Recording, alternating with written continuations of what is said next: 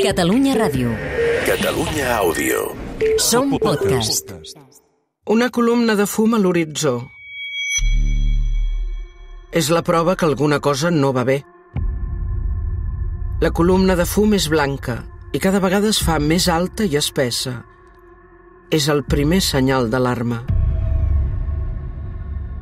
L'ambient s'enfosqueix. La pudor és cada vegada més forta i la visibilitat, a poc a poc, es redueix.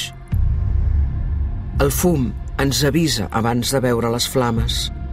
Es deixa veure a quilòmetres de distància.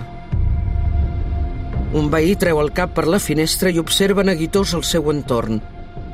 Agafa el mòbil sense dubtar-ho, marca un número de telèfon, respira uns segons i diu... El bosc es crema. Terra cremada. La vida d'un incendi. Capítol 4. El fum.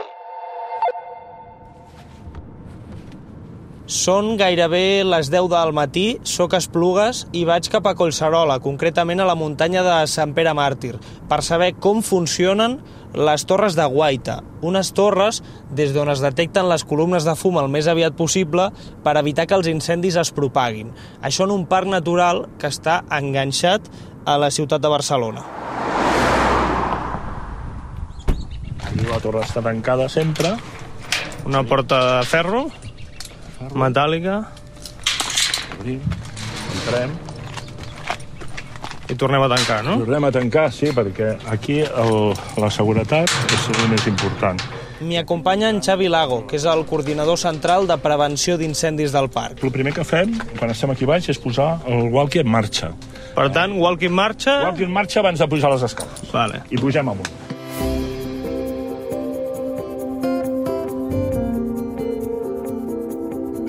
Déu-n'hi-do quantes escales, eh? Això pujant. 60, jo crec que són 64 o 65. 65 escales. Aquí vas fent una mica d'esport, eh? Sí, i pensa que, clar, uh, Ja costa xerrar, eh, ara. hola, Hola, bones. Bueno, ara passes a, a dins de la terrassa, això és la terrassa de la torre, Carai. i baixem la barra de seguretat. Important. Xavi, ja som del de la torre. Ja som dalt de la torre. A les 10 del matí nosaltres comencem el servei. Són serveis de 10 hores. Estem des de les 10 del matí a les 8 del vespre. I la nostra tasca, la tasca del guaita, doncs és vigilar, detectar qualsevol columna de fum i comunicar-la a la central de Coixerola o a bombers si tenim la certesa de que allò es tracta d'un incendi forestal. Ah, què passaria si ara veiéssim una columna de fum aquí al davant? Pues, imagina't que ara, ara nosaltres des d'aquí veiem el Tibidabo, l'església del Tibidabo, i al costat una mica més a baix veiem l'Observatori Fabra, que dona a Barcelona. Pues imaginem-se que tenim una columna que està sortint ara mateix de, de l'Observatori Fabra. Tenim aquest aparell que es diu alidada, és un, com un visor, eh, que el que et diu és l'azimut, eh, que són els graus que hi ha comptant des del nord. És una mena de ferro amb molts números? Sí, amb, amb, un, amb una gradació de 360 graus i un visor. Eh? Llavors tu ara, jo enfoco ara l'Observatori Fabra i miro els graus, 40 graus. Uh, jo veig la columna i control Coixerola, control Coixerola, aquí Torre Golf. Uh, li comunico que estic veient una columna de fum a 40 graus uh, per sota de l'Observatori Fabra. Què passarà? Que altres torres, potser també ho veuran, l'ECO també ho veurà, donarà els seus graus. Quan tinguem tres torres, tindrem un triangle. O sigui, a les de la central tenen un software que el que fa és mirar les visuals, jo li he dit 40, un altre li dirà, un altre, eh, no sé, per dir doncs 80 graus, un altre li dirà... I llavors unirem, farem un triangle. Per tant, tindreu les coordenades d'aquell Ah, punt. exacte, exacte. Tu passes bé la teva feina? I tant, i tant. Això, això, aquesta feina, bueno, a mi m'agrada molt. No dic que... No, és cansada, és cansada. Això estan donant ara les novetats. Tot el dia pendent del walkie-talkie, no? Sí, sí, clar, perquè bueno, ara hi dono novetats, quan li toqui el seu torn, cada hora. Per què es donen les novetats? Són les novetats per saber que estàs bé. Aquí golf, sense novetat, canvi. Cap novetat, per tant. Aquí Índia sense novetats, canvi. línia. Ara cada un va comentant la, la seva situació, eh? Anem donant la volta.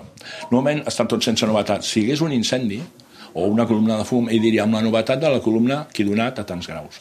Xavi, de torres de vigilància cada vegada en queden menys, a Catalunya, vull dir. Què està passant amb les torres de vigilància? Per què estan desapareixent?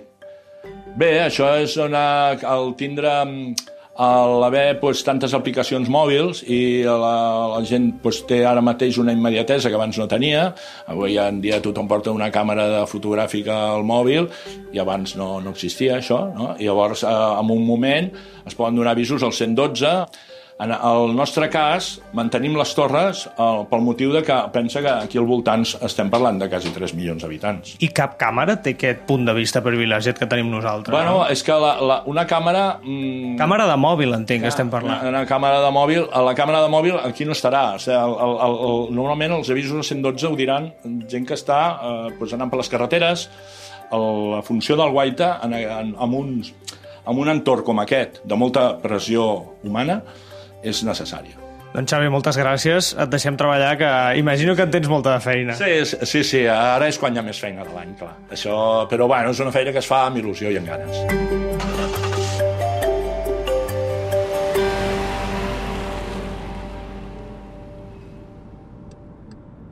160.000 veïns viuen als barris de muntanya de Collserola i moltíssima més gent als entorns del Parc Natural.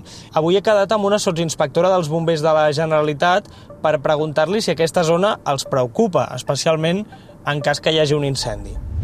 Uh, soc la Telarilla, uh, vaig fer enginyeria de forest en el, en el seu moment com a formació, treballo a bombers des del 2000, o sigui ja porto 23 anys, i treballo al, al GRAF, a la unitat tècnica del GRAF, que som un equip de gent que té formació en incendis forestals i en anàlisi d'incendis forestals.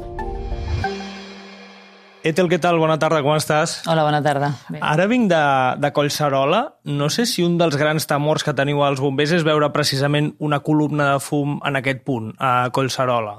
Bueno, és un dels temors, no sé si el més gran, però sí que és cert que és una zona d'interfície urbana i pel nivell de població que hi ha dintre del que és la massa forestal, doncs sí que pot complicar la nostra intervenció, però pel fet de, no, no per l'incendi forestal en si, sinó pel nivell de població que hi ha, que fa que això se converteixi en una emergència de protecció civil. Per tant, podríem dir que aquest pulmó verd és una de les zones de més risc de Catalunya? De risc en si, no. Ara mateix sí que és veritat que la zona litoral i tirant cap al sud, cap a la metropolitana sud, és una de les zones més seques. És una de la, en les que més perills poden materialitzar-se pel fet d'estar més poblada que altres, que altres territoris. Però com a nivell de risc en si, si obviem les infraestructures que hi ha al, que hi ha al territori, no és de les de més, de les de més risc, tot i que enguany està més seca que altres anys. Eh?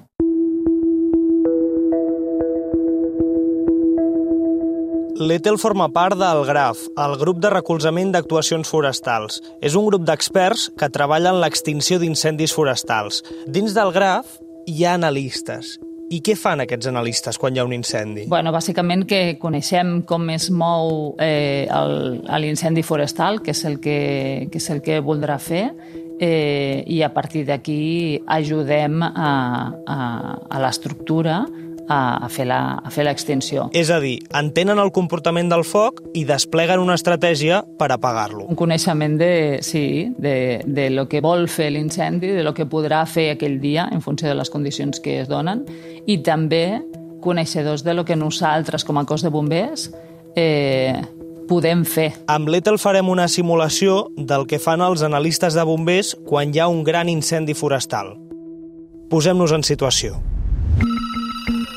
112, digui'm. 112, digui'm. Sí, bona tarda, digui'm. Hola, bona tarda, digui'm. Sí, d'acord, em diu que estava Diu que hi ha un incendi. molt gran. Què és el que crema, això sisplau? Ens sabia, sisplau. A quina zona? Aquest és el primer pas. L'alerta d'una columna de fum pot arribar als bombers per diverses vies, però ha de venir segur des del 112. A partir d'aquí és quan es posen en marxa. Arriba la carta de servei a una sala de control i la sala de control activa els recursos dels parques que van cap al lloc i es posen a treballar. Nosaltres, com a GRAF, eh, aquesta informació arriba per la mateixa via de la carta de servei o per les xarxes socials i a partir d'aquí Pot ser que la regió on estigui- s'estigui donant el servei demani les unitats graf del territori i ja les s'estigui activant via la sala central, o bé nosaltres, si veiem la informació, eh, li diem a la unitat que vagi sortint i que dongui la sortida a sala i sala a la sala de regió. Intentem ser proactius. La feina mai és des de zero. Cada dia, tots els parcs tenen uns càlculs que indiquen quin tipus d'incendi pot haver a cada punt del territori. que és el que anomenem el RAF. I això ens descriu quin comportament estem tenint els dies previs, quina situació meteorològica ens donarà i quin tipus d'incendi podem tenir el dia d'avui. Això ja és una informació de base que tothom al cos de bombers té. I això ajuda tot el cos de bombers esperar el que tindrem en aquell dia.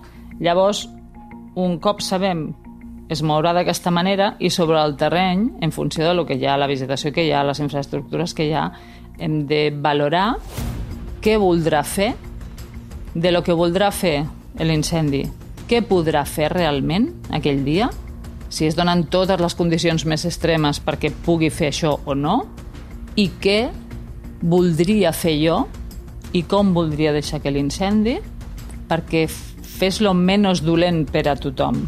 I si tot això som capaços d'encaixar-lo, llavors aconseguim allò que ens estàvem plantejant en l'estructura. És a dir, és una mica com un animal, no? De veig cap on vol anar i ara aviam jo com m'ho faig per aturar-lo. Vull dir, és com un ésser viu, diguem-ne, que té vida pròpia, Bueno, l'incendi. Estàs pensant, si puc treballar aquí, què evito i què perdo? Si puc treballar allà, què evito i què perdo? I en conjunt, he d'acabar decidint què és el que deixo perdre i què és el que guanyo. Clar, et pots trobar en situacions molt complicades. Sí. Perquè pots tenir una urbanització en una banda i una urbanització en una altra, en una hi ha més gent que l'altra, i haver de decidir que una es crema i l'altra no, per exemple. Clar, però en funció dels recursos que tinguis, o sigui, si és un dia que no hi ha simultaneïtat i no ha d'haver-hi eh, cap altre problema, i per això només hi ha una zona de risc, que és allà on ha aparegut l'incendi, igual puc destinar recursos a dos llocs sense problema i puc treballar-ho. Si no puc destinar recursos als dos llocs perquè hi ha simultaneïtat, perquè hi ha altres incendis, per mil coses que en aquell moment s'hauran de sopesar, haurem de decidir eh, amb els recursos que tinc quin és el major benefici que puc treure per tothom, no només pel que està afectat ara en aquell moment.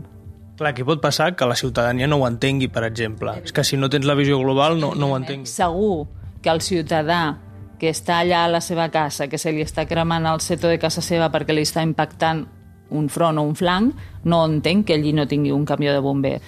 Però si hi ha 200 incendis més, no podrem tenir un camió a cada casa que s'estigui cremant de cada urbanització.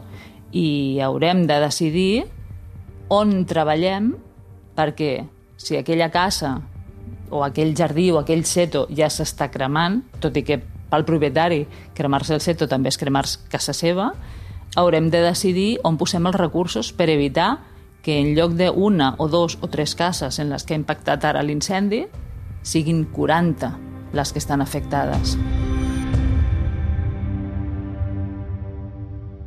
Un dels grans reptes que tenen els bombers és el d'interpretar i saber reaccionar davant dels nous tipus d'incendis, que són cada vegada més intensos a causa de l'emergència climàtica. Bueno, hem anat veient com han anat canviant sobretot en, en velocitat i en intensitat i en la seva capacitat de modificar l'atmosfera i de generar encara més velocitat i, i més intensitat.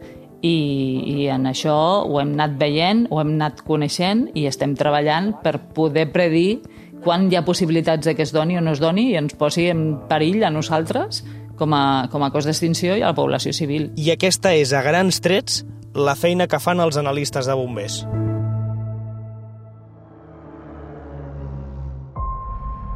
Però què senten aquells bombers que són a tocar de les flames? Què se sent quan et deixes la pell per apagar un foc? Ho descobrirem al pròxim capítol. Les flames que abans eren petites i cremaven quatre matolls, ara són altes, ràpides i avancen sense aturador. Fa pocs minuts semblava impossible que travessessin la carretera. Els cotxes encara hi circulaven. Ara ja ho han fet i són més a prop que mai de les cases. Sembla que ningú les pugui aturar.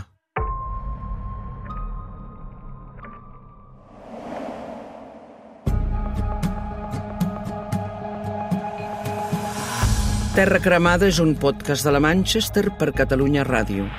Direcció i locució, Nil Marvà. Guió, Xènia Santigosa. Realització, Pablo Sánchez. Veu, Mercè Arànega. Catalunya Ràdio. Catalunya Àudio. Som podcast. podcast.